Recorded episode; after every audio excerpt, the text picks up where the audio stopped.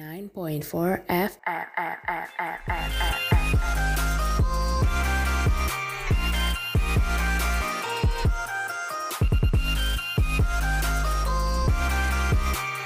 Binge Nation Radio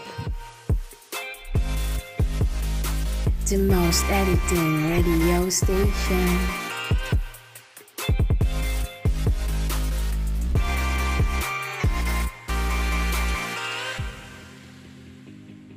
89.4 FM Binge Nation Radio. Brand new edition for you.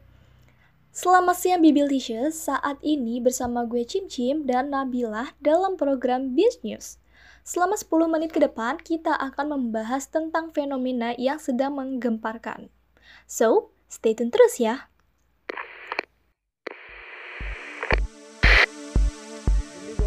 Pemerintah mengatakan bahwa angka kematiannya hanya 80 saja, tetapi kami mengetahui bahwa sebenarnya angka sudah mencapai 1000 setiap harinya. Dari manakah Anda mengetahui angka tersebut? Saya tahu karena banyak rumah sakit sudah kewalahan dengan banyaknya mayat sehingga harus melakukan kremasi massal seperti ini.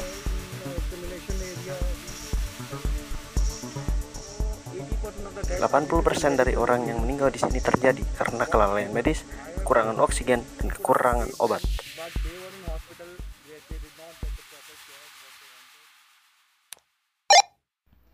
Oke Bibilicious, dalam Biz News kali ini kita bakal bahas tentang kasus yang lagi menggemparkan dunia.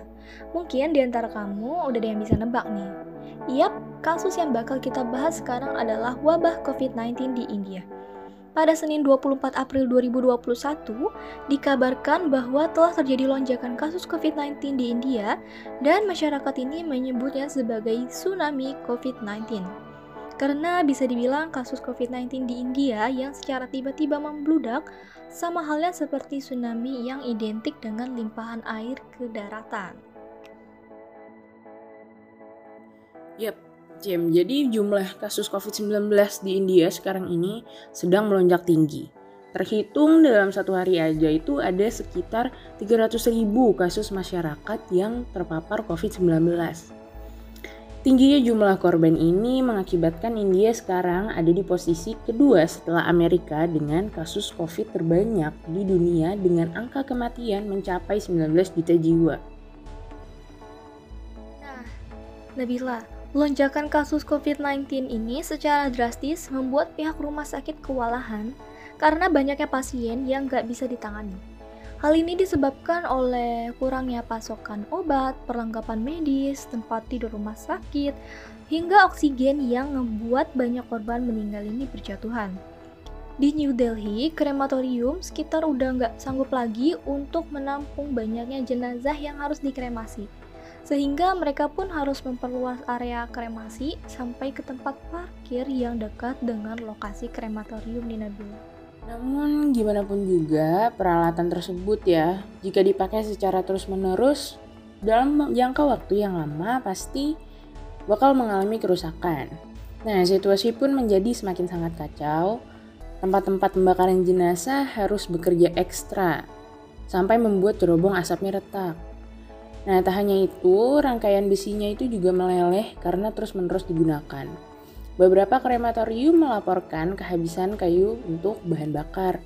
Bahkan beberapa keluarga korban diminta untuk membawa sendiri loh kayu bakar untuk mengkremasi jenazahnya. Ya, karena udah lagi nggak tertahankan, akhirnya India memutuskan untuk melakukan pembakaran massal terhadap mayat-mayat dari pasien COVID-19 yang telah meninggal dunia. Menurut kesaksian dari seorang petugas krematorium yang bernama Sanjay, beliau mengatakan kalau ia udah nggak mampu menghitung jumlah pasti dari jasad yang telah dia kremasi. Sanjay bilang setiap harinya dia mulai mengkremasi dari matahari terbit hingga lewat tengah malam. Nah, kegiatan kremasi ini tuh dampaknya nggak hanya sama tingginya jumlah kematian, tapi juga terhadap ekonomi masyarakat di India. Karena mau nggak mau, badan industri di India itu harus mendesak pihak berwenang untuk membatasi aktivitas sosial dan ekonomi, gunanya untuk mencegah penyebaran COVID-19 itu sendiri. Namun, Narendra Modi, Perdana Menteri India, nggak mau memperlakukan lockdown. yaitu sangat khawatir karena perekonomian di India akan kembali mengalami penurunan. Seperti tahun lalu misalnya di awal pandemi April hingga Juni 2020 ketika Modi memberlakukan pembatasan ketat pada pergerakan aktivitas sosial dan ekonomi yang mengakibatkan perekonomian di India turun sebesar 24% dibandingkan dengan periode sebelumnya. Nah, saat ini beberapa negara termasuk Amerika Serikat telah mengirimkan bantuan berupa peralatan kesehatan serta produk mentahan untuk memproduksi vaksin. Nah, Bibilicious, gimana nih pendapat kamu tentang kasus yang satu ini? Hmm, kayaknya kasus di India ini benar-benar darurat banget ya, Nap?